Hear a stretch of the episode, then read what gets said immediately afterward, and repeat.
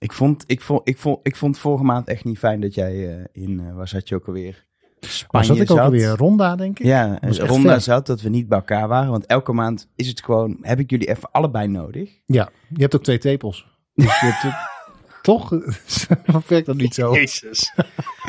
maar goed, jij zat in Tivoli Vredenburg, dat weet ik inderdaad nog. Ja, precies, inderdaad. In de en nu ronde. zijn we één ronda verder en nu mist een andere man in je leven. Ja, Want Arno, die is die zit anders. op afstand met een NS-plopkap. Dat vind ik dan wel weer heel mooi. Ja, ja, sorry, jij wilde graag een plopkappen. Dit was even de enige die ik zo snel kon vinden. Blijf je wel dan onpartijdig, zoals je altijd bent in deze podcast? Of Ik, eh, altijd. gaat er nou door een NS-sausje heen?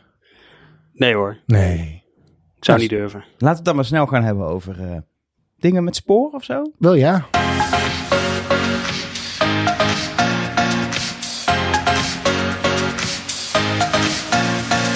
Hallo en welkom bij een nieuwe aflevering van De Spoorcast. Een podcast over dingen die rijden op rails.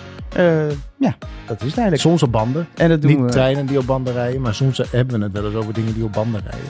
Wat dan? Bussen. Ja, maar zo min mogelijk. Ja, d- dat proberen we wel tot het minimum te beperken. De- vooral dingen, dingen op rails. Ja. Met, met Arne Leblanc, eh Arjas Voormans en mijn naam is Elke van der Wel. Ehm, en eh, we gaan het hebben over ehm, nou, het meest besproken onderdeel, onderwerp in de, in de eh, spoorwereld van nou ja, inmiddels vorige maand, van mei, juni. Ehm, de eh, gevraagde, nieuw gevraagde, het is gewoon een proefballonnetje, maar de gevraagde spitsheffing. Die eh, in een interview in, geloof de Volkskrant Ja. werd geopperd door, eh, door NS-baas Wouter Koolmees. En die voor veel Ah, ik denk niet dat. Wouter Koolmees het over een spitsheffing heeft gehad. Nee, dat denk ik ook Maar niet. dat is dan weer hoe framing werkt. Hè? Precies, zo werkt de framing. Maar daar gaan we het straks over hebben. Want eerst natuurlijk, aan het begin van de aflevering, het laatste nieuws, de actueeltjes. Uh, Arno, Ja, ja. heb je toch je NS-plopkap? Ehm, volgens, volgens mij is... je hoeft eh, dit ook gewoon niet te zeggen. Hè? Nee, maar dat is te leuk om niet te doen. volgens mij is ik. afgelopen maand de nieuwe dienstregeling Ik bedoel, eh, ik snap niet dat je dat aan hebt en dat je dan toch zo tegen mij begint. Nee. Maar de nieuwe dienstregeling is nou ja, aangekondigd. Er wordt dan advies gevraagd bij ook de reizigersorganisatie, belangenorganisaties zo. Van dit zijn we van plan. Hebben jullie nog iets te klagen? Zo werkt het toch? Nee, nee, nee, zo gaat het niet. Nee. Nou, dit is wel bijzonder, want normaal gebeurt dit niet in de zomer. Normaal gebeurt dit aan het begin van het jaar. En toen is het ook wel gebeurd, maar toen is er meteen bijgezegd... Dit vragen we aan, dat heet dan de capaciteitsaanvraag bij ProRail. Maar eh, ja, we zaten natuurlijk met die eh, personeelstekorten en zo. Dus dan, eh, ja, dan is het goed om heel even te wachten om te kijken wat je daadwerkelijk kunt waarmaken. Dus toen is er gezegd in de zomer. Nou, toen was het 4 juli in de zomer. En toen eh, is er eigenlijk voor de tweede keer een adviesaanvraag naar eh, de reizigersorganisaties eh, gegaan. Maar dit keer met wat, ja, wat, wat er ook echt gereden wordt vanuit NS dan. Wat echt de plannen zijn. En ja, het is voor nou, een heel groot deel is het goed nieuws. Dus je merkt ook, het is wel in de media geweest, maar ik heb er buitengewoon weinig vragen over gehad. Want ja, dan, of mijn berichten zijn gewoon heel duidelijk. Maar ehm, eh, ja, de nieuwe dienstregeling, het is veelal eh goed nieuws als je het vergelijkt met dit jaar, hè, met wat er nu eh, rijdt. Dus misschien heel even, ja, heel even kort er doorheen. Nee, mag, mag ik één ding zeggen? Want je hebt het nu over in de media. Dat valt me zelf op. Het is in de media heel veel gegaan over alle treinen die op een gegeven moment niet reden. Dat Ja. het minder werd. Eh, en het gaat heel veel in de media ging het over, nou ja, we gaan het straks over hebben, die, die, die, die, die plannen om treinkaartjes in spits duurder te maken. Maar gewoon goed nieuws, namelijk, we gaan weer meer rijden. We gaan weer eh, eh, verder terug naar wat het voor corona was. Daar komen we echt dicht in de buurt. Daar is dan een heel klein nieuwsberichtje ergens en daar hoor je niemand over. Terwijl dat is nee, Iedereen riep ook rond die spitstoeslag. Er moeten toch gewoon meer treinen, meer treinen. Hier zei je meer treinen en niemand heeft het erover. Ik vind, dat vind ik wel echt wel opmerkelijk. Ja, maar dat is toch een beetje, ja, daar kun je moeilijk over doen, Elger, maar dat is toch een beetje hoe media werkt. Het is vaak, niet altijd hoor, maar het is wel vaak, wordt het negatieve eruit gehaald. En het positieve, eh, ja, dat niet. En dan denk ik dat het juist aan ons is, hè. We gaan het straks ook nog over de tariefdifferentiatie hebben. Dat is toch iets anders dan een uh, spitsheffing. Ja.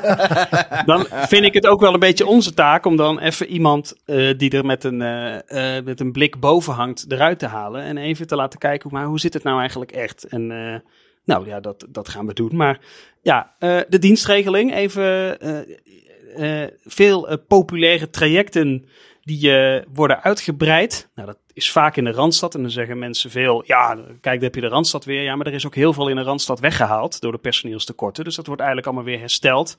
Wat dacht je van Utrecht, Rotterdam gewoon weer vier keer per uur de hele dag? Gelukkig. Eindelijk. Nu is het, Eindelijk. zodra de spits af is gelopen, was dat, ging dat naar twee keer per uur. En dat is echt te weinig. Ja, jij En, woont eh, er, dus voor jou is het helemaal ja. eh, om te janken. Dat ik daar woon is om te Nee, janken? dat dan die je nou treintjes zo weinig gingen, Ja, toch? nee, zeker. Maar gelukkig, ik reis tegenwoordig ook eigenlijk alleen maar in de spits. Dus ik heb er niet eens zo gek veel last van gehad. Jij werkt Maar- bij het spoor en je bent niet een spitsmeider.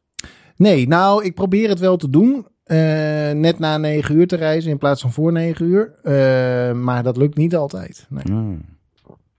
Nou, en eh, de Intercity direct naar Breda gaat weer terug. En daar zijn ze in Breda heel erg blij mee. Ja. Overigens gaat dat in eh, september al een beetje gebeuren. Dan gaan er in de spits al wat extra treinen naar Breda rijden. Maar dan in de nieuwe dienstregeling wordt het weer helemaal hersteld. Maar volgens mij zijn ze daar tussen Amsterdam en eh, Rotterdam ook heel blij mee. Want toch wel veel mensen die wel eens klaagden over hoe vol die... eh, nee, die daar reed alles direct- alweer, hè? Oh, die reed al helemaal Ja, ja, weer? ja, Ja, ja, die ja. was Oh, gewoon die één moest- keer per uur. Ja. Hij reed niet door naar Breda. Ah, Ja. dat was Ja. het. Ja, nee, dus dat, dat, rijdt allemaal alweer. Ja. En ehm, ja, kijk, er is wel iets anders. eh, hè, want eh, ja, er wordt eigenlijk nu gewoon simpelweg gezegd: de dienstregeling past wat beter bij het nieuwe reisgedrag. Er is toch wat veranderd door corona. Er wordt meer thuisgewerkt en zo. En je ziet dat het op vrijdagen bijvoorbeeld eh, veel rustiger is dan op andere dagen. En dat de spits eigenlijk, ja, dat is nog wel best wel druk, hè. Maar er wordt gewoon anders gereisd. De spitsen zijn ook op andere, vooral op dinsdagen en donderdagen. Je merkt dat het op maandag en woensdag minder is. Dus eh, je hebt nu eigenlijk een dienstregeling die van maandag tot en met donderdag geldt. En dan heb je een dienstregeling die op vrijdag en op zaterdag en op zondag. En wat er dan wel gedaan is, bijvoorbeeld, je hebt, waar bijvoorbeeld 10 minuten treinen rijden op maandag tot en met donderdag. Daar eh, rijdt eh, soms dan op vrijdag geen 10 minuten trein. Maar dan hebben ze wel eh, ervoor gezorgd dat hij dan ieder kwartier rijdt. In plaats van 10 minuten, 10 minuten, 20 minuten, 10 minuten, 10 minuten bijvoorbeeld zo. Dus dat is wel eigenlijk een beetje netjes gerepareerd. Beter gespreid. Want dat was inderdaad mij al een door in het oog. Dat Ja. als je hem net mist, die ene tweede 10 minuten trein van de twee, dat je dan inderdaad opeens wel lang moest wachten. Precies, dus dat is dan wel netjes gerepareerd. En ja, wat ook wel eh, bij NS zelf wel een doorn in het oog was, is dat je op sommige trajecten, vooral met sprinters, eh, s s'avonds en in het weekend maar één keer per uur een trein had. Nou, dat wordt, eh, dat wordt eigenlijk bijna allemaal gerepareerd. Dus dat er gewoon weer netjes twee keer per uur een, een trein rijdt overal. Dus dat is dan wel weer fijn. Ja, en er is een hele waslijst aan veranderingen. Overigens, er zijn ook dingen die, eh, die minder worden. Die lijst is gelukkig wel een heel stuk eh, kleiner. Maar eh, bijvoorbeeld de, de trein tussen de, de sprinter tussen Utrecht en Woerden, buiten de spits, die gaat weg. Dat is vooral vervelend voor mensen die bijvoorbeeld in Utrecht Leidse Rijn wonen. Ja, of wie is dat Utrecht nou? Weide. Wie is dat nou? Ja, Dus Ik weet ook niet waarom je dat zou doen. Nee. Ja, dus eh, geloof me, we doen het echt niet voor onszelf, want dan was dit niet gebeurd. Eh, eh, en tussen eh, Utrecht Centraal en Hoofddorp, eh, aantal sprinters op vrijdag van 4 naar 2 per uur. Nou, zo zijn er wel op een paar plekken is het ook wat minder. Maar het is over het algemeen eh, eigenlijk gewoon goed nieuws. 1800 treinen per week extra. Dat, is- dat klinkt netjes. Ook in het weekend trouwens ook echt wel eh, veel meer. Want in het weekend zie je wel dat het aantal reizigers minder dan door de week, hè, dat is ongeveer de helft. Maar dat het aantal reizigers eigenlijk alweer terug is dat er voor corona ook was. Dat was heel snel eigenlijk al. Dat waren de eerste reizigers die, die terugkwamen, waren die, die weekendreizigers. En dan merk je inderdaad, zeker eh, in de dienstregeling nog voor dit jaar, dat het in het weekend soms echt druk kon zijn. De treinen kort waren en dan door de week was het nog wel te doen. Maar juist in, in het weekend was het soms, hoe? Wat ben ik nu Maar iets van terecht gekomen? zeven- 700 van die 1800 treinen komt toch ook in het weekend terug? Heb ik ergens eh, volgens mij uit de Nee, statistieken nee, nee, nee. Nee, het zijn er wel veel inderdaad in, eh, in, eh, in het weekend. Maar nee hoor, nee, niet alleen. Ik heb het precieze staartje even niet bij me. Maar het is inderdaad wel in het weekend wat meer dan door de week. Maar het is niet zo dat eh 90% in het weekend zit. Nee, het zijn Nee, 700. 700. Oh, dat zou kunnen, ja. En maar dan nog, stel nou dat het 700 is, dan nog is het procentueel gezien ten opzichte, hè, als je dat verdeelt over maar twee dagen, is het aantal treinen wat er in het weekend dan bij komt eh, fors meer. En dat is ook logisch, als je ziet hoe eh, veel eh, reizigers er Ja. door de, eh, in het weekend zijn. Ja. Heb ik, heb ik Ja. één, één vraag? er is vlak voor corona, en dat was letterlijk vlak voor corona, want het is in de dienstregeling van december 2019, zeg maar, dus de dienstregeling van 2020, werd de 10 minuten trein tussen Nijmegen en Schiphol ingevoerd. En die is, uh, die is, die is verdwenen in coronatijd en, en nog niet teruggekeerd. Komt, komt die, In de komt die spits, nu, dacht ik. komt die nu Ja. weer terug? Ja, in de spits. In de spits. Oh, Ja. dus dan kun je in, in de spits op dat traject elke 10 minuten en dan buitenspits in, in, en het weekend is het dan gewoon. Kwartierdienst. Maar Ja. dan ook kwartier met 15 minuten ertussen en niet met die gekke van eh, ik, eentje eruit. ik dacht het wel. Op vrijdag sowieso. Maar nou overvraag je me een beetje. Ik weet niet of dat door de week ook zo is. Laten we ons Eh. even contact zoeken met iemand die woordvoerder doet bij Nest. Die weet het vast. Ja, ja, ja. Zo van, nou, ik woon, t- ik wil even iets heel specifieks weten. Nee. Maar eh, dat, dat weet ik niet precies. Ik weet alleen dat hij wel in, eh, dat die 10 minuten trein in ieder geval terugkomt eh, in, in de spits. Ja, dat is ook weer een, een vraag- en aanbod ding natuurlijk, eh, wat, Ja. daar, eh, wat daar meespeelt. Ehm, In ieder geval, eh, ik vind het mooi nieuws. Ik vind het goed dat we het even belicht hebben. Meer treinen vanaf eh, 2023, eh, nee, 2000, december 2023, dus voor de dienstregeling van 2024. 2024. Ik ben zo blij Eh, dat je bij altijd... NS dan in ieder geval, hè? Ja, ik ben zo blij dat jij altijd volledig bent. Want stel je voor dat mensen het nou niet begrijpen. Die, weet je, je laat geen enkele mogelijkheid onbenut om volledig transparant en helder te zijn. Ik vind Ja, het echt mooi aan ik, jou. Ik, doe, ik doe mijn best. ja, nee, We moeten door. Merk je. We moeten door. Ehm, het, is, eh, het, is, eh, het is zomer. Ach, dat mag duidelijk zijn. Ik Sterker als nog, het is, ja. het is alweer augustus, dus we zijn weer halverwege de vakantie. En ik weet niet of je het hebt gemerkt, de afgelopen maand, de langere buitendienststellingen, eh, die regenden over het hele Nederlandse spoor heen. Rond Apeldoorn, rond Gouda, eh, eh, komende maand in Almelo. Brabant. Ja. Almelo, heel veel trajecten waar, waar, eh, waar langere tijd, dus niet alleen een weekendje, maar echt gewoon vaak meer dan een week bijvoorbeeld dan eh, eh, geen treinen eh, rijden. We hebben natuurlijk ook Ja. eh, Rotterdam al gehad eh, in, eh, in juni met Ja. heel veel eh eh, buitendienststellingen, steeds op kleine en soms grote Allemaal de eh, schuld van delen. Rietschoven, hè? Vriendin van de show. Ja, precies. Die Ja. allemaal. Nou, daar wil ik het wel over hebben. Want er zijn een aantal werkzaamheden die uiteindelijk eh, niet zoals gepland eh, zijn of worden uitgevoerd. Eh, we hebben onder andere eh eh buitendienststelling gehad eh, rond Gouda en tussen Gouda en eh, Den Haag Centraal. Maar de die ze eigenlijk zouden doen, die kon ProRail niet uitvoeren vanwege eh, personeel slash materieel tekorten. Ja. Ze hebben wel onderhoud gedaan, eh, soms op andere projecten, andere dingetjes. Want ja, de treinen reden toch al niet. En een NS zei ook, ja, eh, wij hebben intussen de bussen besteld en het personeel eh, met vakantie gestuurd, eh, want we zouden niet rijden. We kunnen op zo'n korte termijn, het is vrij korte termijn, dat ProRail eigenlijk... eh, Op korte de bocht, kan. trouwens, wat je nu zegt. Hoezo? Nou, personeel op vakantie gestuurd. Maar het Nou is ja, inderdaad niet zo bedoel. makkelijk om heel kort... Precies. Ze hebben, nog, ze hebben het nog wel geprobeerd trouwens, eh, Elger, hè, om eh, daar eh, bijvoorbeeld een pendeltreintje in te zetten. Maar als je dat doet, als je daar bijvoorbeeld een pendeltrein inzet, dat had misschien wel gekund. Maar dan ga je dus krijgen dat het in die pendeltrein veel te druk wordt. Omdat Ja, mensen dan krijg ook in de reisplanner de omreisroutes niet meer krijgen. Precies, En dan de heb je omreizen is daar vrij makkelijk. eh, eh, ding. Ja. Ja. zeker, sterker nog, ik heb, eh, ik heb daar, ik heb dat die, die week dat het was, moest ik voor een afspraak naar Den Haag, of eigenlijk in de buurt van Den Haag, half Den Haag, Leids, Leidsdam, geloof ik. Leidsdam, met de metro. eh, Mhm. En dan ga je gewoon naar Rotterdam en dan pak je de metrolijn 1 en toen kwam ik er gewoon. Dat Ongelooflijk. super makkelijk. Ja. Ja, Dus ehm omreisroutes maar eh, nog een nieuwtje, Elger, in Nou. dit geval. Want eh ProRail heeft dus wel werkzaamheden gedaan. Ja, ze hebben, nou, uiteindelijk. dat zei ik. Ze hebben toen wat andere dingen hebben ze wel ja, opgepakt. wel onderhoud eh, hebben ze gedaan. Precies. Ja. Ehm, Ja. En ehm, daarnaast is er eh, Tilburg. Daar zijn wij eh, een tijd geleden al op reportage geweest. Ja, met het Ehm, kroepoekdak zijn we nog helder voor de geest. Precies. En dat ze daar eh, eh, via de perron eh, zouden ze gaan bouwen. Ja. Nou kom ik nog wel eens in Tilburg. Ik heb dat helemaal gebouwd zien worden. Sterker nog, ik heb spetters van de, van de werklui op een gegeven moment op mijn jas gekregen. Ik weet niet Omdat wat ze naar met beneden... consumptie spraken? Ik weet niet wat er naar beneden drupte, maar het was grijs en het druppelde op mij. Het was niet heel prettig. Oké. Ehm, maar ehm, het lukt net niet. Eh, uiteindelijk gewoon qua hoeveel tijd het kost en voorbereidingen. om daadwerkelijke werkzaamheden met de buitendienststelling. eh, die ze gepland hadden uit te voeren. Ehm, er worden wel heel veel andere werkzaamheden in de omgeving nog gedaan. Bij Gielserij. Die gaan wel door. Daar wordt geloof ik weer iets ingetakeld van Ja, een viaduct. Ik of ben een er nog geweest als voormans bij de buren. Precies. Bij Henny. Met Bij- zijn, eh, de onderdoorgang die ze daar in de achtertuin aan het bouwen Precies. zijn. Nou, die, dat gaat wel doen, maar dat, de werkzaamheden bij Tilburg. En daarmee ook het vervangen van de trappen op station Tilburg. Want dat zouden ze doen als er geen treinen rijden. Want trappen vervangen als er mensen over de trappen moeten. Is lastig, kan Ja. ik je vertellen. Dan krijg je uiteindelijk een trap. Precies. Jan, ik probeer trap verhaal naar- te vertellen. Ja. Ehm, maar die, je die even werkzaamheden die, eh, eh, zijn dus eh, uitgesteld. Ehm, dat wordt wat later dat de Prom 4 in Tilburg uiteindelijk af is.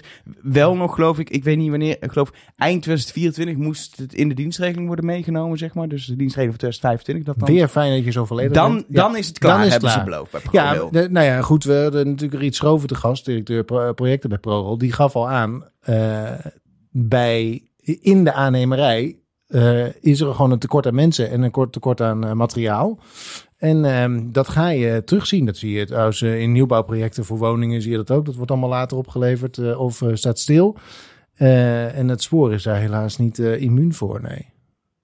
Eh, Dit keer overigens op tijd om te zeggen, dan laten we de treinen bij Tilburg toch gewoon rijden. Dus die bij dienstregeling die voor Tilburg bedoeld was, die is eruit gehaald. Die treinen rijden gewoon. Die bij Gilse rijden gaat dus wel door. Dus niet zo dat op dat traject rond Tilburg helemaal geen buitendienststelling is. alleen De flexibiliteit is ongekend.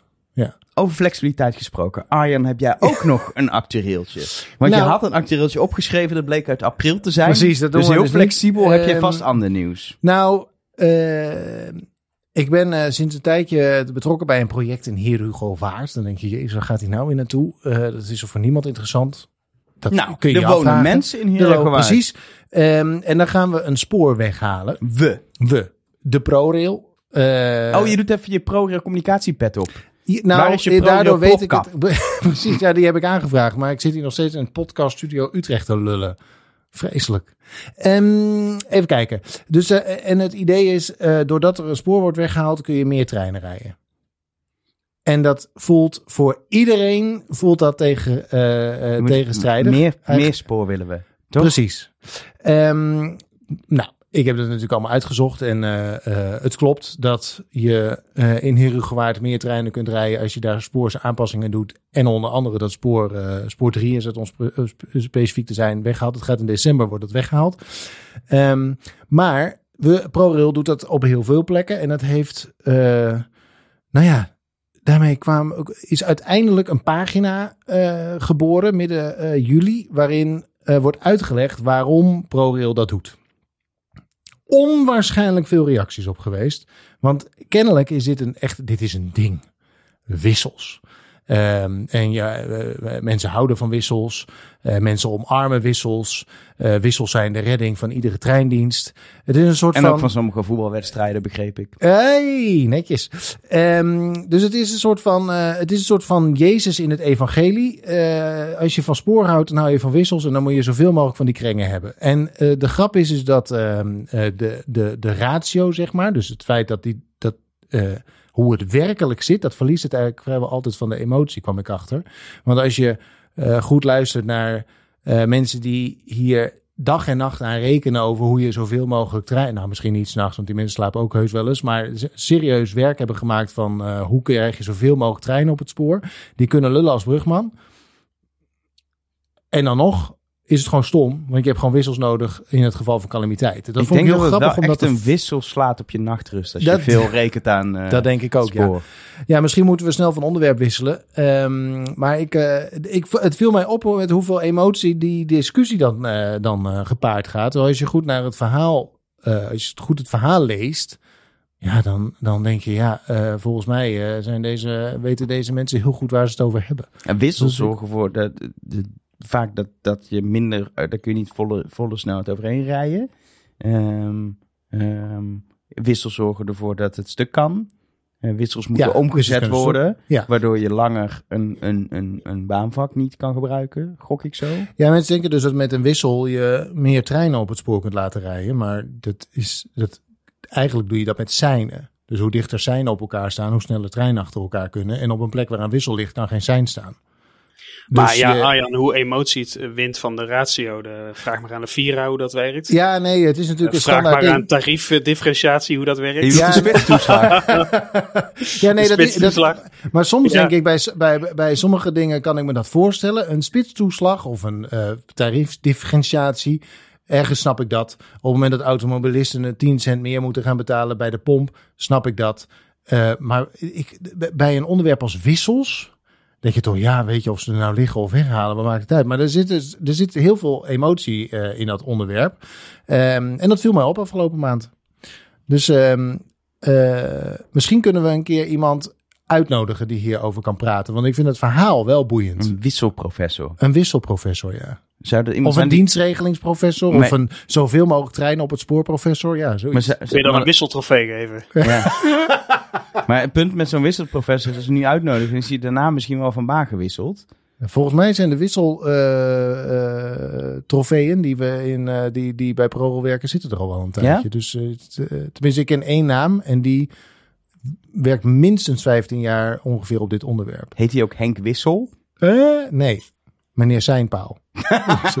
nee, ja, maar dat is. eh, dat, is- ik, eh, hebben jullie deze discussie online niet meegekregen? Over Ik, eh, nee, ik, ik zit niet zo diep in de wisseldiscussies. Nee. Nee, ik, sorry, ik zat plaatjes van de nieuwe ICE te bekijken. Waar ik denk, daar ga ik in terechtkomen als ik weer eens eh, naar Duitsland ga. Ja, Ziet er mooi uit. vind je mooi eruit Ja, zien? mooi, Ja? ja? mooi, mooi treintje. Oké. Maar daar hebben we het de andere keer wel over. Ja. Over mooie nieuwe Ja, treintjes. we moeten van onderwerp Er wisselen rijdt ook een mooi trein tegenwoordig van eh, Rotterdam naar Eindhoven.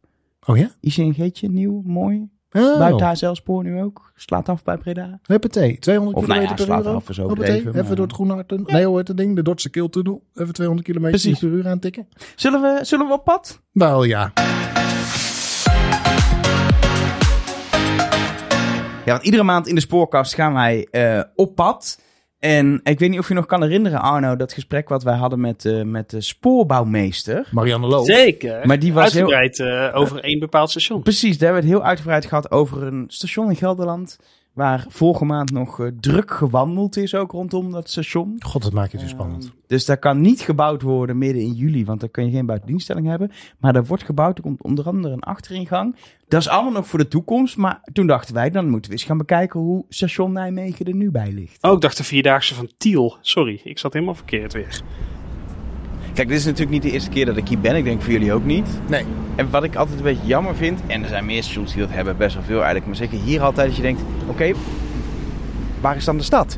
Waar gebeurt het nou waar eigenlijk? is het centrum? En hoe kan het zijn dat na zoveel tijd het er nog steeds bij ligt zoals het erbij ligt? Is er nou niemand die hier in de stationsomgeving denkt... Zullen we ze hem doorpakken? Nou, zullen we hem die Merc- Mercuurhotel weghalen en dat eh, brutalistische ding... en hem die gasvelden opvullen? Is er nou niemand die dat denkt? En dan helemaal niet, Niet met accent. niet met dit accent. Nee, maar je hebt wel tegenwoordig een hele mooie promenade hebben ze gemaakt erachter. Dat was eerst ook niet. Nee. Dus het is, het is verbeterd. Het is verbeterd, eh, maar eh, als je terugkijkt in de tijd... dus hoe dit eruit zag, dit station... Nou, de geallieerden hebben hun best gedaan om dit eh, nog te bombarderen, hè? om dit eh, te vernietigen allemaal. Maar, het oude station, hè? oude Wat een prachtig station was. En het was te herstellen, maar ze hebben gekozen... om het doen niet we te niet. doen. Doen we niet. We bouwen iets. We bouwen iets Hey, maar nieuws. voelen jullie, hebben jullie, als jullie hier staan, hebben jullie dan trek in pizza of eh, pasta, iets anders? Nee, hoezo? Nou, omdat dit een, be- een beetje in Italiaanse, het moest een beetje een Italiaans sfeertje geven hier.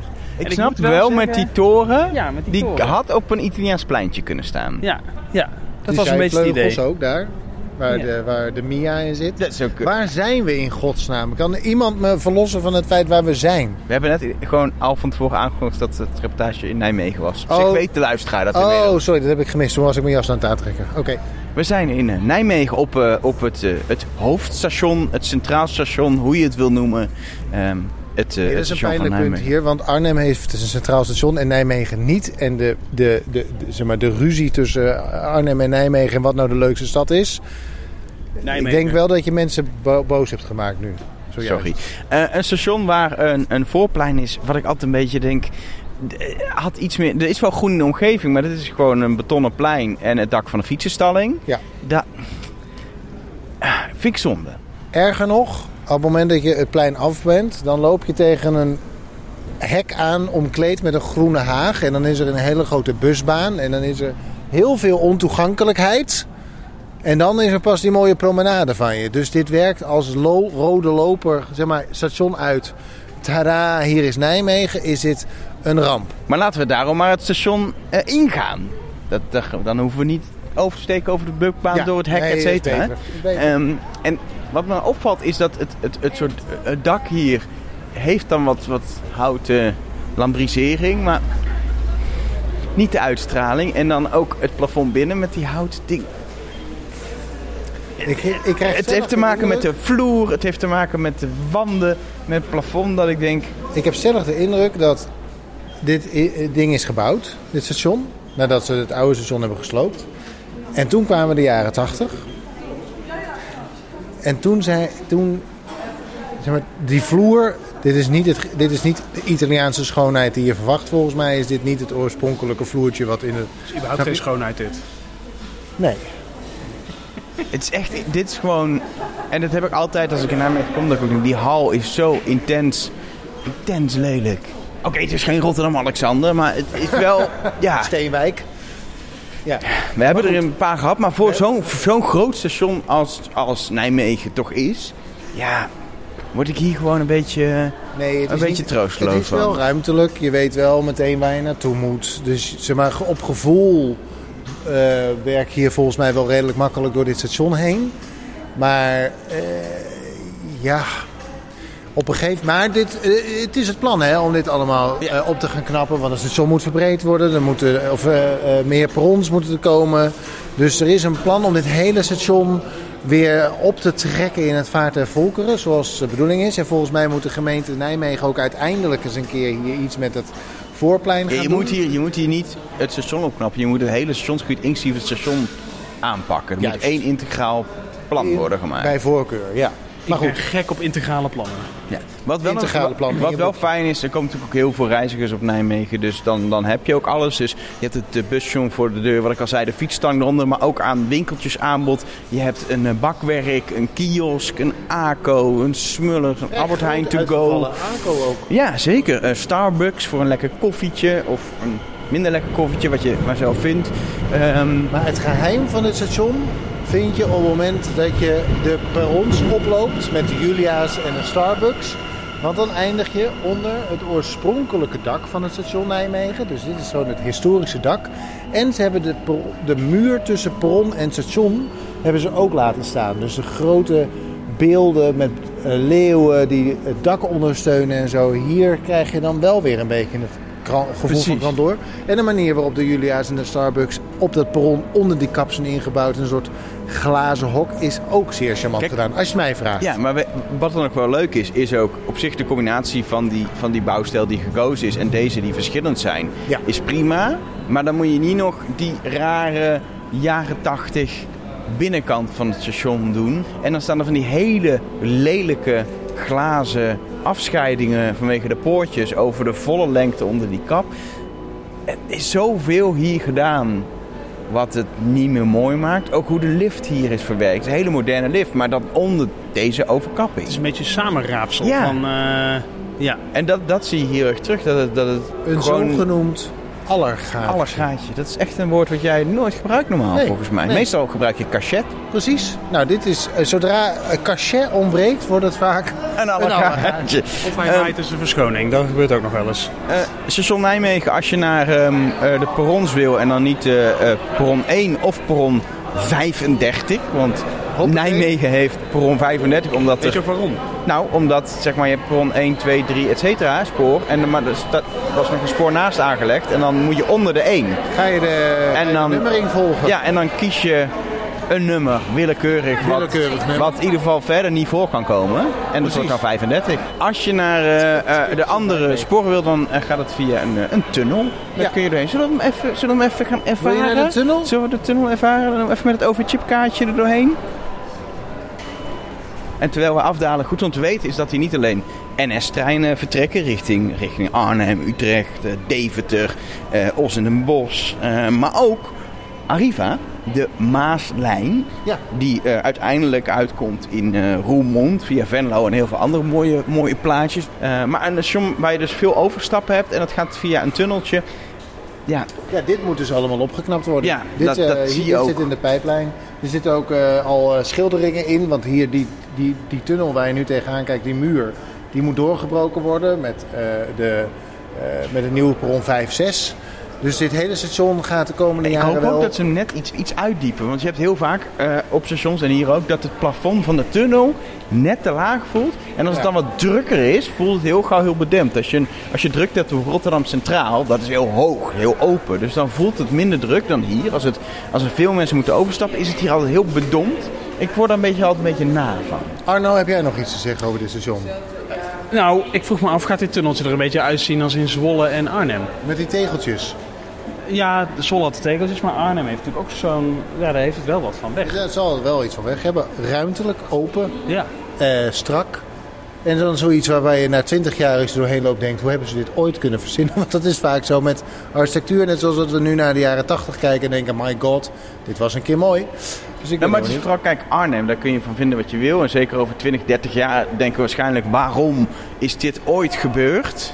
Maar wat, wat ik bij Arnhem wel echt heel erg voel, is dat eh, het één is. Het klopt. En dat is gewoon hier, omdat er in zoveel tijden aan dit station gebouwd is. En het gaat nu opnieuw gebeuren. Hoop ik dat ze wel één stijl gaan kiezen door het hele station heen. Dat dat, wat Arjan zo mooi allergaatje noemt, dat dat dan verdwijnt.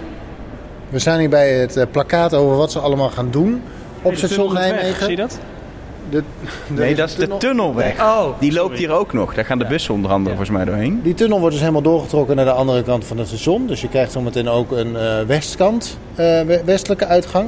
Eh, de, de, de monumentale perronkappen die worden helemaal gerenoveerd.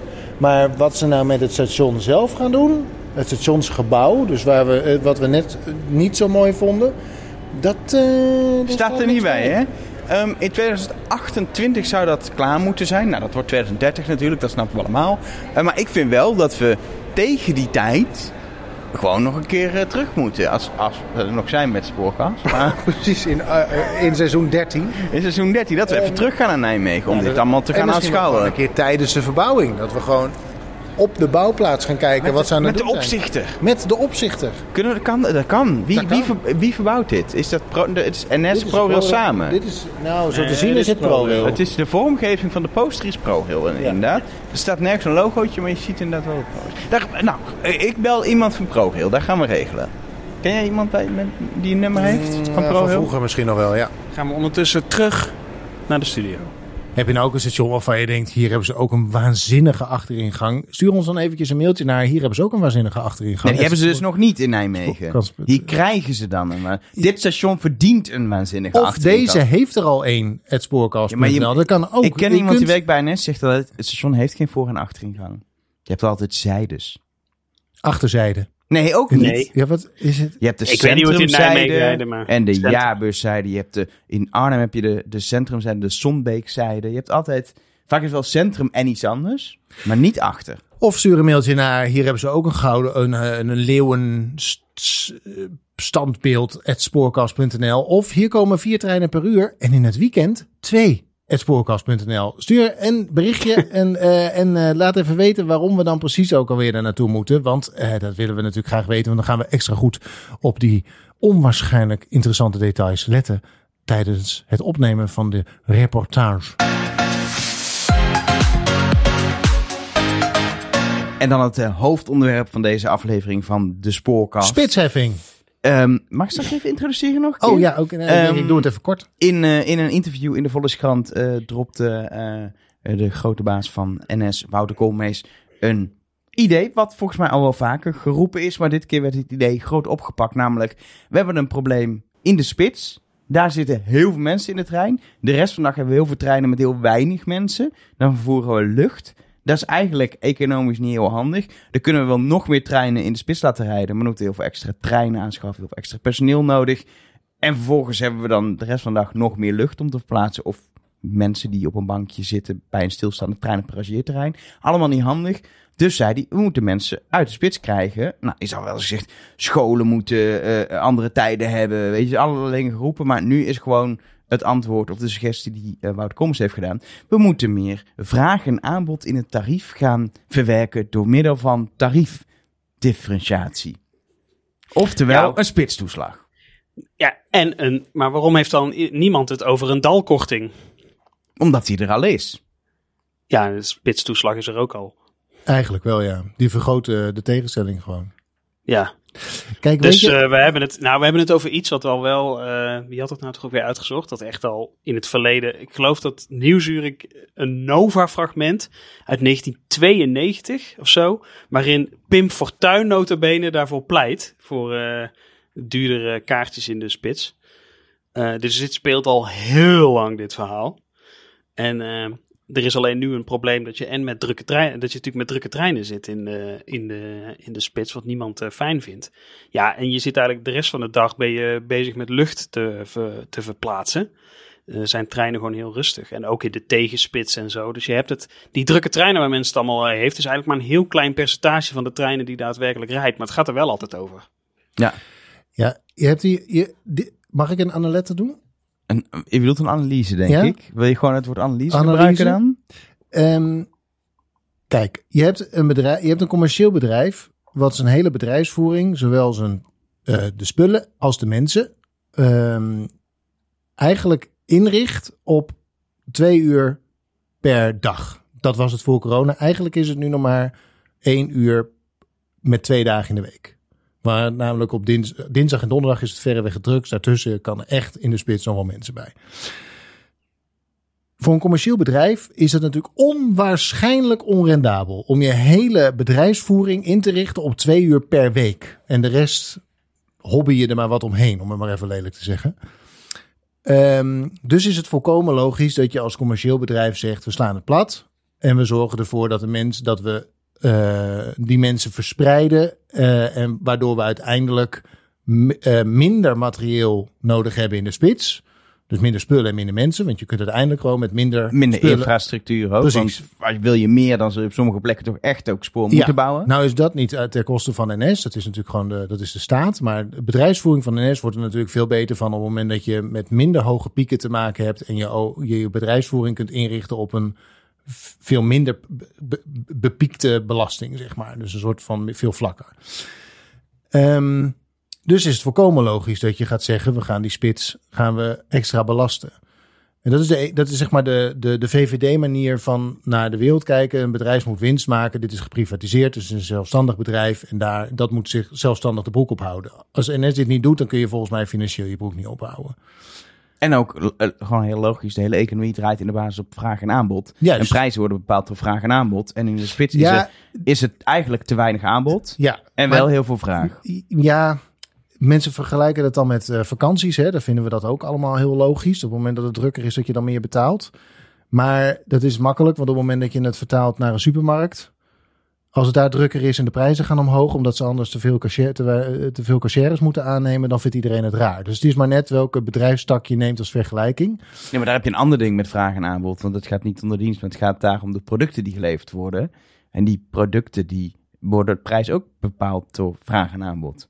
Ja, maar ja, oké, maar als het gaat over drukte in een winkel, dan is het een. Het is, maar, je kunt niet ontkennen dat de economie, uh, dat, dat vraag en aanbod en uh, nee, prijzen daarop dat reageren, dat dat niet een heel normaal mechanisme is. Dat ontken ik volgens mij ook helemaal niet. Dat onderschrijf ik zelfs. Tegelijkertijd kun je je afvragen, en dat is volgens mij een veel breder onderwerp, is het spoor, is het OV geschikt in de wereld die gaat komen voor um, privatisering op de manier zoals hij nu is ingericht. Dat is het ding. Je hebt het over, het is een commercieel bedrijf, maar de, de, de, de reactie van de mensen en dat komt is ook vanuit zo, de emotie. Het is openbaar vervoer, dat is een publieke Precies. voorziening. En als je het in de spits duurder gaat maken, dan heb je vast allemaal mensen die een kantoorbaan hebben, waar de baas toch betaalt, waar het betaald wordt. Of waar de baas op een gegeven moment zegt, ga maar uh, buiten de spits reizen, dan ja. passen we het iets aan. Maar je hebt heel veel mensen die gewoon niet anders kunnen dan op een bepaalde tijd ook op hun werk zijn. En juist wat minder verdienen.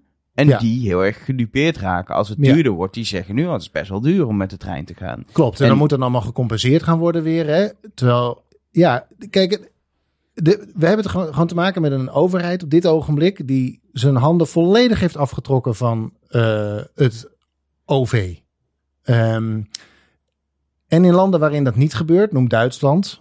Uh, waar het, de overheid, de deelstaat hebben gezegd: nee, we gaan er fors in investeren. We gaan goedkope kaartjes aanbieden, want we willen die mensen het openbaar voeren, want het is uiteindelijk voor ons beter.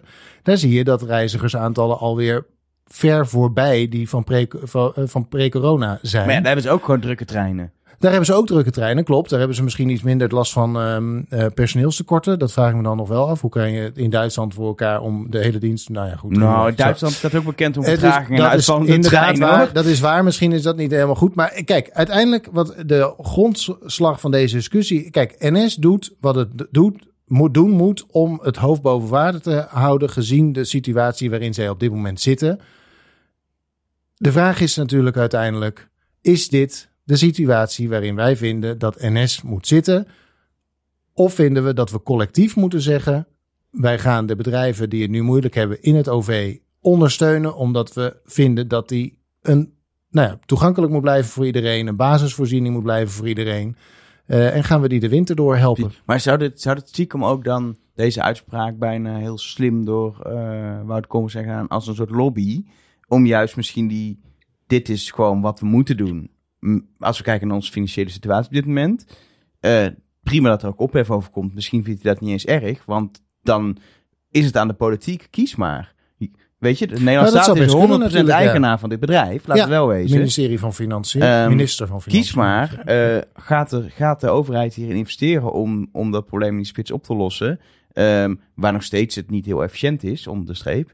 Eh, maar kiezen we voor de voorziening in plaats van voor het economische eh, model, zeg Ja. maar. Eh, of gaan we uiteindelijk voor kiezen ehm, om er geld bij te doen? Eh, dat, of niet? Ja, dat, dat is Ja, dan en dan moet dat Nou, je mist, collectief je over mist eigenlijk nog wereld, iets hè? hè, Ja. in deze discussie. En dat is eh, inderdaad, hè, ik- je kunt je afvragen, het zijn allemaal Europese regels dat je niet mag privatiseren.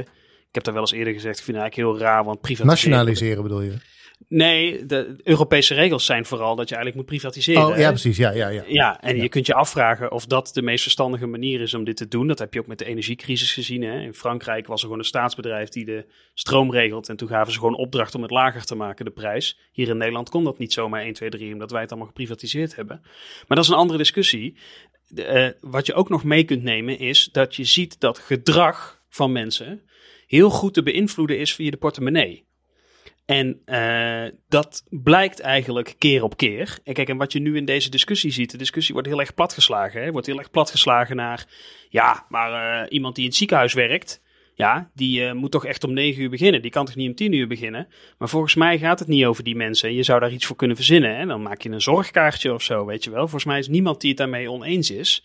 Alleen, je ziet wel, en dat geldt op de weg ook. Ik geloof dat ik ooit ergens gelezen heb dat als 10% van de mensen uit de auto zou stappen in de spits. En dat kan, hè, want er zijn heel veel mensen die gewoon echt wel thuis kunnen werken of een andere keus kunnen maken. Eh, dan zou je de files al opgelost hebben. Dus het gaat er niet om dat er niemand meer in de spits mag reizen. Het gaat erom dat je via eh, het tarief mensen wel tot een ander gedrag kunt eh, krijgen. Ja nee, want op dit moment gebeurt het natuurlijk eigenlijk al. Met een voor de urenkaart heb je 40% korting buiten de spits. Je kan zelfs een dalvrij abonnement dat ik zelf gebruik nemen en ik mijd echt de spits, want dan kan ik gewoon heel goedkoop Ja, maar reizen. door, de- door die prijs vermijd jij dus de spits. Ja, maar heel, heel veel mensen werkt die prikkel op dit moment niet. Of niet, hij werkt niet genoeg. Nou, niet goed genoeg. Moeten dus we hem dan je hem- extremer maken? Dat Nou is ja, ja ding. maar je moet wel er tegenover zetten dat als je dus de spits duurder maakt, dan moet daar wel tegenover staan dat is de dal goedkoper wordt. En dat is ook wel echt het idee. Het bestaat eigenlijk al, hè, dat heet NS-voordeel. Daar wordt dan mee, ge, mee geëxperimenteerd. Hè, met mensen, ik geloof, tot 60% korting geven als ze dan een rustigere trein pakken. Dan is een kaartje ook alleen maar in een bepaalde trein geldig. Maar je, je, hè, je merkt dat mensen, eh, eh, dat het gedrag van mensen heel erg te beïnvloeden is door naar de portemonnee te kijken. Ik bedoel, toen de gasprijzen omhoog gingen, bleken we gewoon ineens eh, 30% minder gas te kunnen gebruiken met z'n allen. Neem niet weg dat er dan wel mensen in de kou zitten en daar moet je dan dus iets aan doen. Snap Ja. je? Dus ehm, Ik, ik, ik vind het een onderwerp waar we eigenlijk gewoon eens even iemand eh, bij moeten halen die daar, die daar meer verstand van heeft. Want wij hebben allemaal onze eigen analyses en, ja. en, en theorieën die we hier kunnen delen.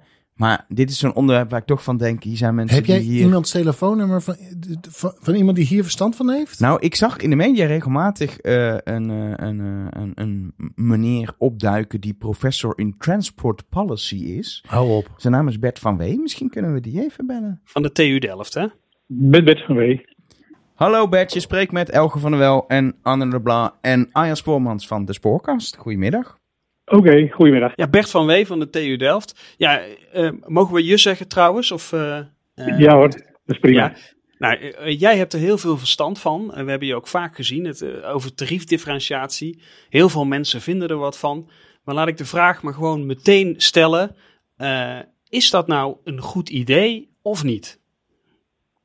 Ik vind het een goed idee, omdat die tariefdifferentiatie maakt dat de spits duurder is en de dalperiode goedkoper. En een aantal mensen daarmee de allerdrukste periode, de hyperspits, wellicht gaat verlaten. Waardoor er eh, minder druk op het treinstelsel is. Maar ja, er, zijn, er wordt er dan gezegd, er zijn toch mensen die moeten, ja, die moeten gewoon aan hun werk. Die hebben helemaal geen keus. Die moeten in de zorg werken. Die moeten op tijd ergens zijn. Uh, kun, die, die kun je toch niet zomaar de trein uitjagen? Helemaal mee eens. Het is ook niet de bedoeling dat de trein tussen kwart voor acht en half negen helemaal leeg is. Dus lang niet iedereen hoeft een alternatief te hebben. Als bijvoorbeeld 20% van de mensen uit die allerdrukste periode zou gaan, dan is het voor de rest al veel aantrekkelijker en is een groot gedeelte van het capaciteitstekort bij de NS al over. Er zijn natuurlijk wel groepen mensen waarvan je eigenlijk niet wilt dat die hier financieel de dupe van worden. Um, zoals mensen met een laag inkomen. En het zou mooi zijn als die mensen bijvoorbeeld door hun werkgever gecompenseerd gaan worden. Of dat er een speciale regeling komt voor specifieke beroepen die gewoon de spits niet kunnen mijden. Maar dat doet niets af aan het feit dat het principe van duurder in de spits, goedkoper in de dal wel een veel goedkoper principe is om de druk op de treinen te verminderen dan bijvoorbeeld capaciteit uitbreiden. Want dat is gruwelijk duur als het al kan. En heel onrendabel, omdat je veel langere treinen dan laat rijden gedurende de rest van het etmaal, omdat je ze in de spits nodig hebt. En zoals Wouter Koolmees al zei, ja, je vervoert er nou vooral lucht. En dat is ontzettend duur. Ja, en, maar goed, uh, je zegt nou het werkt eigenlijk wel, maar blijkt dit ook al ergens? Zijn er plekken in de wereld waar dit al gewoon werkt? Een um, heel concreet voorbeeld is een proef die de NS zelf al heeft gedaan. Ik heb daar, de resultaten van gezien, maar ik weet niet zeker of die openbaar zijn. Dus ik ben eventjes nogal terughoudend met het uh, noemen van resultaten uit die studie van een jaar of vijf geleden. Maar kort samengevat, ja, dat werkt. Dan zijn er toch vrij veel mensen die zeggen: ik ga die spits verlaten. En anders dan wat veel mensen denken, gaan die niet zozeer met de auto, maar die gaan vooral eerder of later of ze gaan bijvoorbeeld een dag in de week thuiswerken en een dag minder naar bijvoorbeeld kantoor. En dat is, een, is er een proef geweest waar mensen zeg maar, echt een financiële prikkel hebben gekregen om die spits te verlaten? Ja. Dat hebben ze echt in de praktijk uitgetest met een hele kleine, niet met alle reizigers in de trein, maar gewoon met een klein groepje mensen. Met, ja, precies. En dat is natuurlijk wel een klein beetje link in die zin dat dat mensen zijn die zich daar vrijwillig voor hebben aangemeld. Ja. En het is altijd de vraag wat er gebeurt als je dat in heel Nederland invoert. We hebben dat soort proeven trouwens ook gedaan op de weg. Om te beginnen de A12 richting Den Haag vanaf Zoetermeer. Daar werden mensen beloond als ze niet meer met de auto in de spits gingen. En later zijn die proeven op veel plekken herhaald. En er kwam ongeveer hetzelfde beeld uit naar voren. Redelijk wat mensen hebben een alternatief. En die gaan minder vaak in de spits reizen. En het blijkt dat, vooral die, dat die mensen vooral eerder of later gaan reizen. Soms inderdaad ook vaker thuiswerken, soms ook de fiets of e-bike. En pas op de laatste plaats stapten die mensen over naar het openbaar vervoer. Maar... Het is dus niet zo dat als je de trein duurder maakt in de spits en goedkoper in de welperiode, dat mensen massaal overstappen naar de auto. Gelukkig, gelukkig. Maar um, uh, als we het hebben over die tariefdifferentiatie uh, of spitstoeslag, uh, we hebben nu al de dalurenkorting. Als je voor een paar euro per maand een, een dalvoordeelabonnement neemt, dan krijg je al 40% korting um, met het niet rijden spits. En dat hadden we net al over. Ik zei, ja, dat, eigenlijk bestaat er al een soort spitstoeslag daardoor. Maar die heeft dus blijkbaar niet voldoende effect. Is het dan een kwestie van als je het, verschil maar groter maakt, dan wordt het effect groter? Nou, het probleem met die dalurenkaart is dat heel veel mensen die met de trein reizen uh, niet een, een of andere financiële prikkel hebben om uh, de spits te mijden. Laat ik mezelf als voorbeeld noemen. Ik heb uh, wat vroeger de NS-jaarkaart heette, tegenwoordig heet dat altijd vrij. Ik betaal een vast bedrag per maand en ik heb geen enkele financiële prikkel om de spits te mijden. Dus het idee van spitsmijden, um, dat wil zeggen duurder in de spits en goedkoper in de dal, is dat veel meer treinreizigers een financiële prikkel hebben om niet meer in de spits te rijden. Veel meer dan wat nu het geval is met die kaart die 40% korting geeft, op de daluren. Of een altijd vrij abonnement afsluit. Want dan heb je er weer geen last van. Ja, maar je kan zelfs als mensen een altijd vrij abonnement hebben, um, die, wat hoger, die prijs wat hoger maken en vervolgens zeggen elke dag dat je niet in de spits rijdt, krijg je zoveel euro korting. En dan geldt dus ook voor dat type abonnementen dat mensen een financiële ja, prikkel of, hebben. Of als je wel in de spits rijdt, dan is er een toeslag op je abonnement. Zoals je nu ook een toeslag betaalt als je via de HSL tussen Amsterdam en Rotterdam rijdt. Ook al heb je een abonnement, dan moet je een toeslag betalen. Maar toch heb ik ergens... Ja. De, de hoeveelheid mensen die in de trein zitten is by far in de spits nog niet wat het pre-corona was. Voor corona Ja, hadden we dit- deze discussie niet. En nu zitten er minder mensen in de trein. En gaan we opeens alsnog een spitsheffing invoeren. Is Maar het voor niet corona hadden een... we die discussie toch ook? Jawel, maar toen was er niet een pre- president-directeur die op deze manier dit... eh, De, de, Nee, toen werd er geroepen, de scholen moeten hun tijden veranderen en de universiteiten. Dat, was, dat ge- was toen het ding. Dit is toch gewoon een botte manier om de fin- het financiële gat wat corona, coro- co- corona, corona heeft geslagen in de, het huishoudboekje van NS om dat wat op te vullen bij de groep mensen die eh, toch ja, in de spits in de trein gaan zitten. Ja, laat ik vooropstellen, die discussie is een jaar of vijf of zeven geleden ook al uitvoerig gevoerd, Ja. maar kreeg toen veel minder media-aandacht. Het interview met Wouter Koolmees in de Volkskrant heeft dat natuurlijk nu eh, doen veranderen, maar het idee is zeker niet nieuw. Het is ook zo dat er inderdaad nog steeds minder mensen met de trein reizen dan voor corona. De laatste cijfers die ik heb gezien, die suggereren dat ongeveer 20% minder mensen de trein nemen dan voor corona. Ja, plek zat Dus wat dat denken. betreft was het. Ja, en het probleem doet zich ook lang niet voor op alle trajecten, laat ik dat vooropstellen. Dus het gaat met name om de hyperspits, kwart voor acht, half negen. Tussen de, een aantal grotere steden of ook nog tussen wat middelgrote en grote steden. Maar lang niet op het hele NS-net. Alleen, de NS verwacht dat eh, geleidelijk aan het reizigersvervoer wel weer gaat toenemen.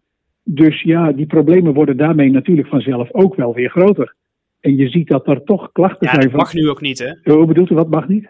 Nou, volgens mij zo'n zo'n een ho- eh, dat tariefdifferentiatie, dat is nu in, eh, in de concessie dat het niet mag. Dus als je dat inderdaad in de toekomst wil gaan doen, dan moet je de discussie nu voeren.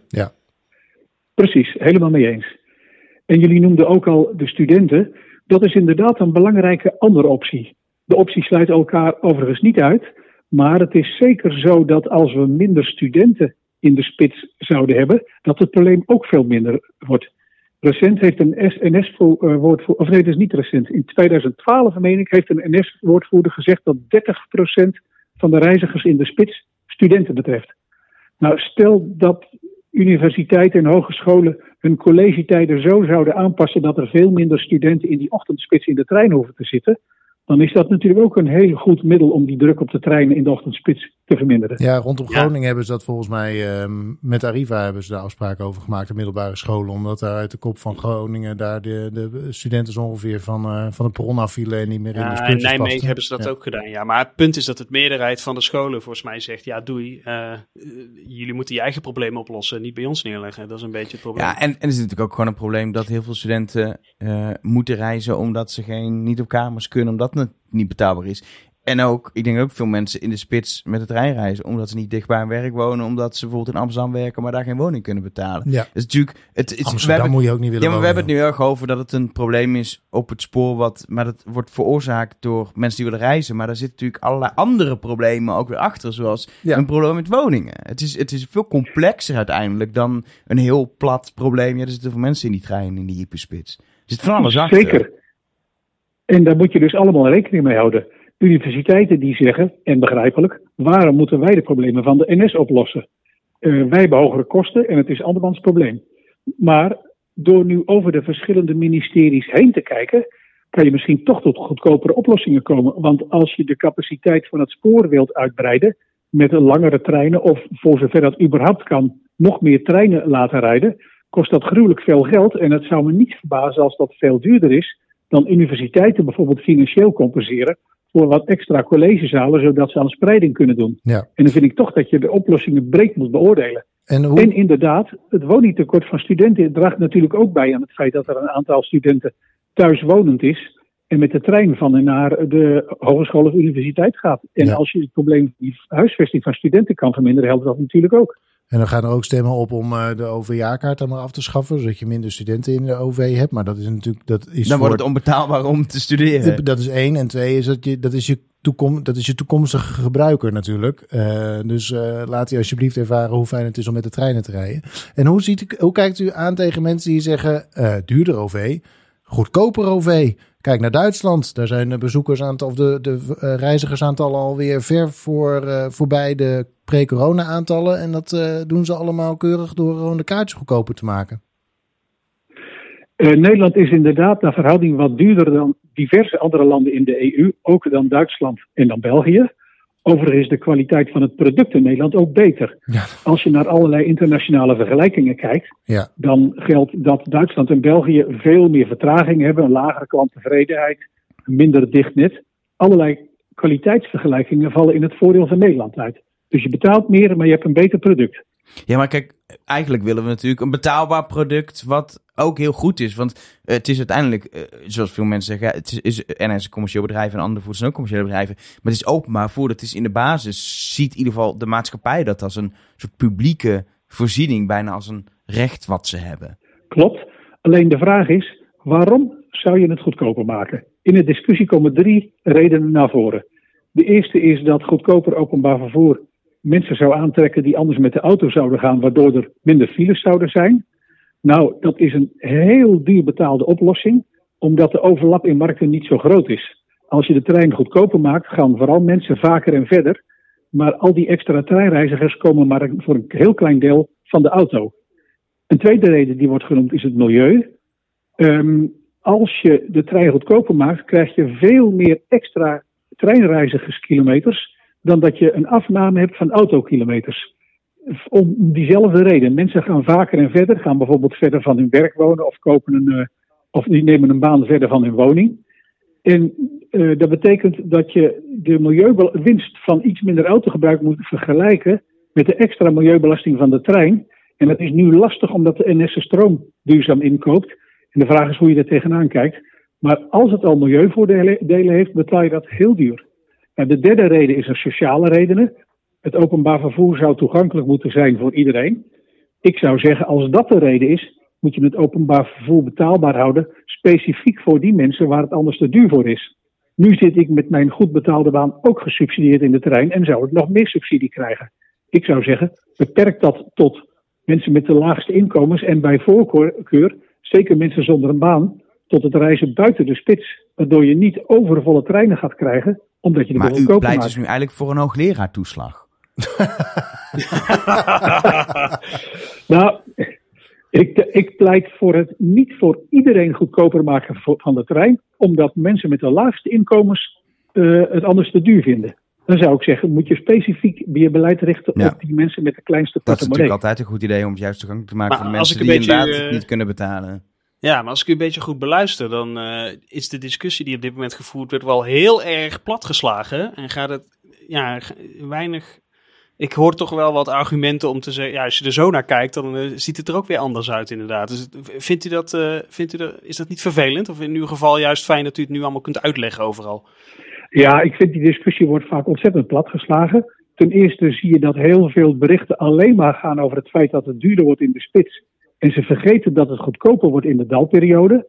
Het voornemen is zelfs dat er totaal niet, überhaupt niet meer door reizigers betaald gaat worden. Dus we betalen met z'n allen evenveel.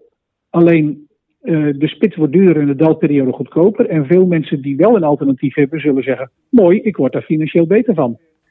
En ehm, een tweede wat mij opvalt is dat mensen gelijk altijd komen met voorbeelden van ja, maar je zal maar net eh, een laag inkomen hebben en je moet om die tijd eh, eh, in de winkel beginnen en want de winkel gaat om 9 uur open, dan heb je geen alternatief. Dan zou ik zeggen dat is heel vervelend, maar dat lijkt me dan primair een zaak tussen werkgevers en werknemers. Kijken of die die mensen extra kunnen vergoeden. Overigens, mensen met de laagste inkomens zijn geen lange afstandstreinreizigers. Dat zijn vooral mensen met hogere inkomens. En ik vind ook dat je kan kijken naar, is er dan toch nog een groep die onbedoeld de dupe daarvan wordt? Kan je daar niet een speciale kortingskaart voor regelen, zodat ze niet al te veel eh, extra moeten betalen Ja. voor de spits? Maar inderdaad, eh, heel veel berichten verliezen alle nuances en mitsen en maren en de alternatieven. En de werkelijkheid is nou eenmaal veel complexer dan heel simpel. We willen de spits niet duurder en dus is het asociaal. Ja, dat doet geen recht aan de complexiteit van de discussie. Bert van Wee van de TU Delft, eh, dankjewel.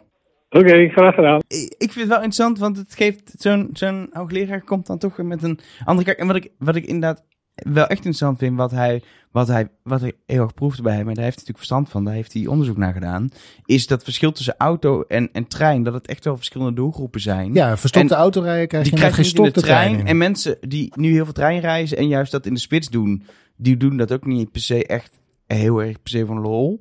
Eh, die, ga je niet, die jaag je niet meteen de auto weer met een spitstoeslag. Nee, de verstokte treinreiziger komt niet zo snel Precies. En dat vind ik wel interessant. We natuurlijk zeggen, je jaagt iedereen de auto in. Maar je hebt gewoon, je hebt twee soorten mensen. Je hebt mensen die eh, potentieel spoorkastluisteraar zijn omdat ze in treinen zitten. En je hebt mensen die naar die De autoweek, die autoweek le- lezen, denk ik dan of zo. Autoweek podcast. Ja, wat, wat doen Zullen we die? maken? Is die er al? Anders gaan wij die maken. Dat wij Dan gaan, we de hele tijd, gaan we de hele tijd reclame maken voor de trein. Ja, de auto. Ja, ik zat weer laatst in de auto. Ik zat laatst ook in de trein. Dat was fijn. Zoiets. Dat je gewoon, zeg maar, hebt, van- jij hebt geen auto, ik heb geen rijbewijs. En nou, ik weet niet of je weet waar Arno in rijdt, maar dat is een Dat soort... is soort nauwelijks een auto te noemen. Dat is een soort ding wat je aantrekt. Precies. Soort Jongens, ik heb heel vaak gewoon zo'n geel-blauwe met chauffeur. Hè? Dus waarom zou ik het doen? Precies. Ehm, ja, eh, een onderwerp waar we eh, denk ik eh, nog wel meer over gaan horen. Eh, zeker als eh, de plannen daadwerkelijk... Ik vond het wel heel verhelderend. Ja, nee, ik zeker. ook. Zeker. Ja, En dan aan het eind van de spoorkast, ja, we hebben al gebeld met iemand.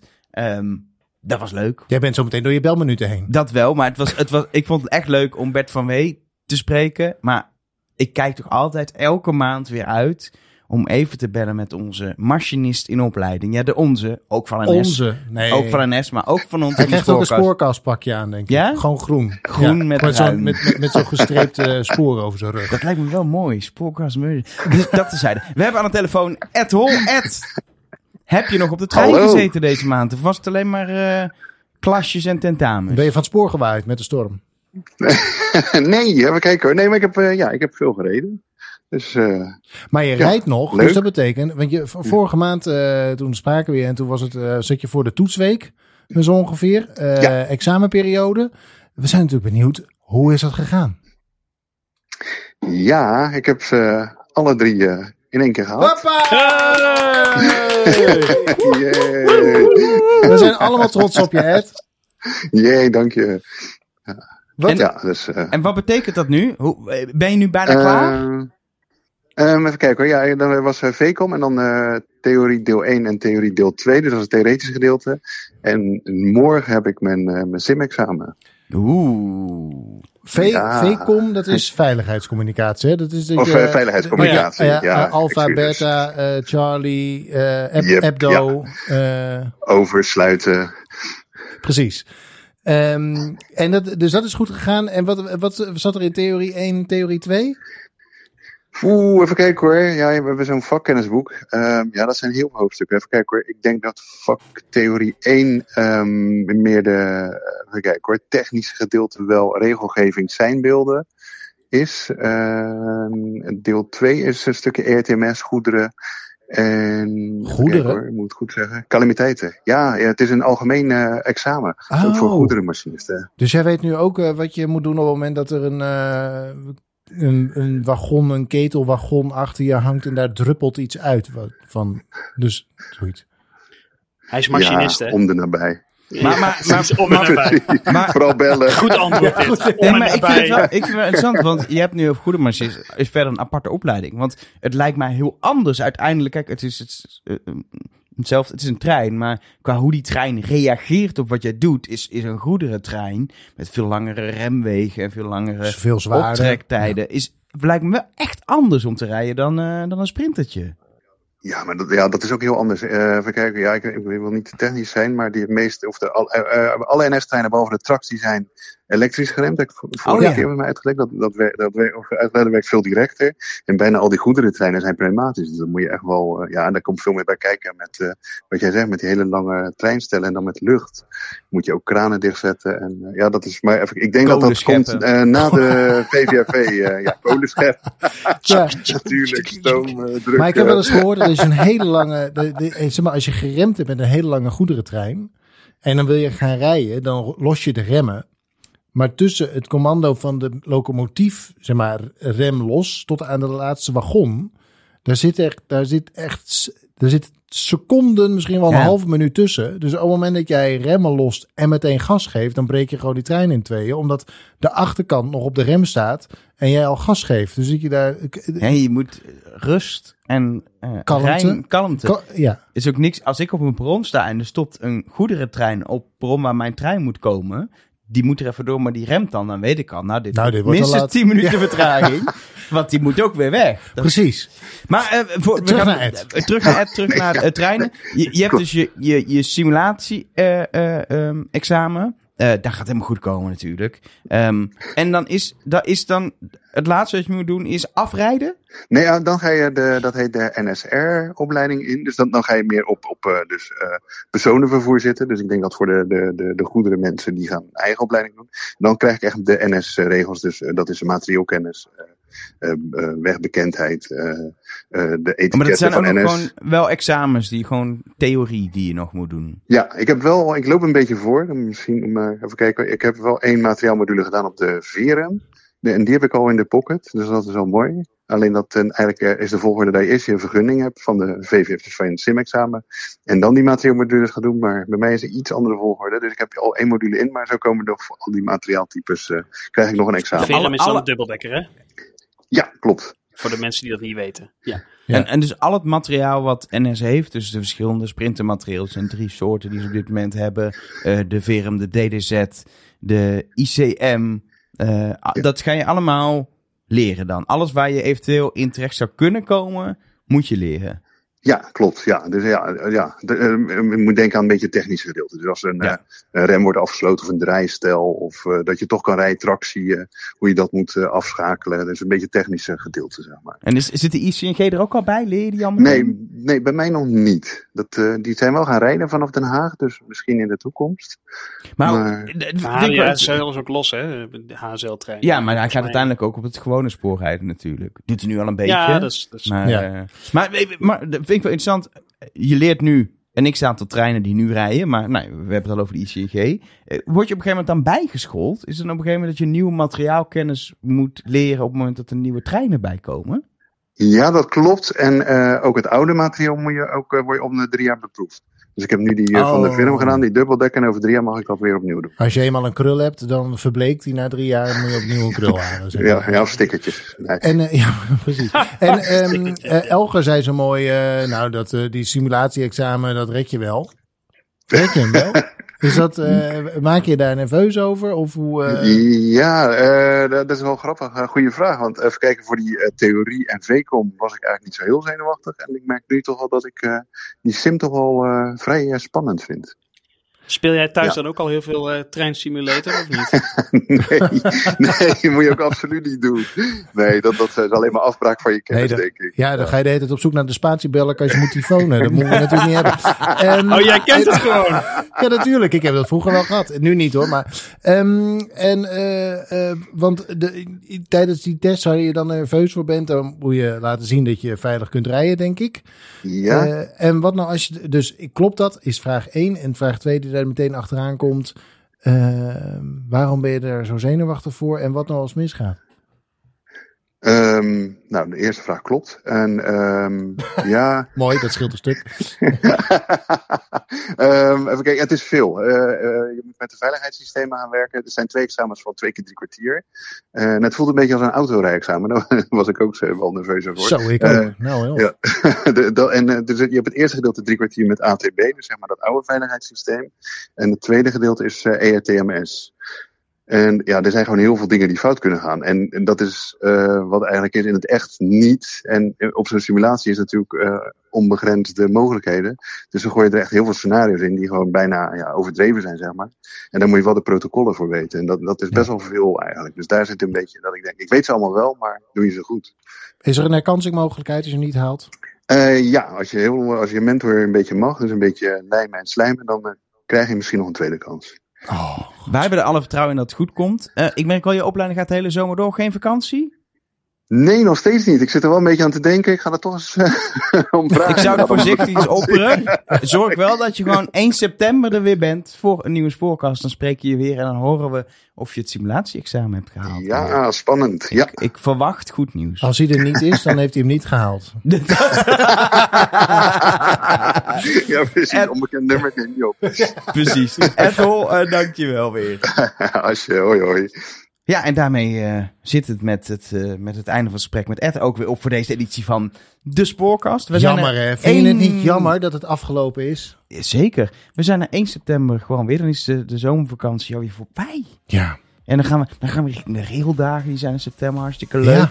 En wij gaan, maar daar hoor je dan weer 1 oktober. Wij gaan in, in september nog met z'n drieën het land uit. Ja, Naar Antwerpen luchtbal. Echt zin in. echt zin in. Oh, zo leuk dat iemand die heeft aangemeld via... Je moet naar uh, antwerpenluchtbal.spoorkast.nl. Nee, we gaan er alleen maar doorheen rijden. Ja, we gaan, heel hard hoop ik. Nee, niet Nee. zo heel hard meer. Nee, dat, is Dat stuk is niet zo heel hard. Nee, dat is niet zo heel En nog onze de eh, Zeeuwse lijn bestaat 150 jaar. Och, nee Ook toch. september. Hoe konden we het missen? Daar gaan we het allemaal over hebben, denk ik, in eh, de volgende aflevering. Dus eh, tot volgende maand.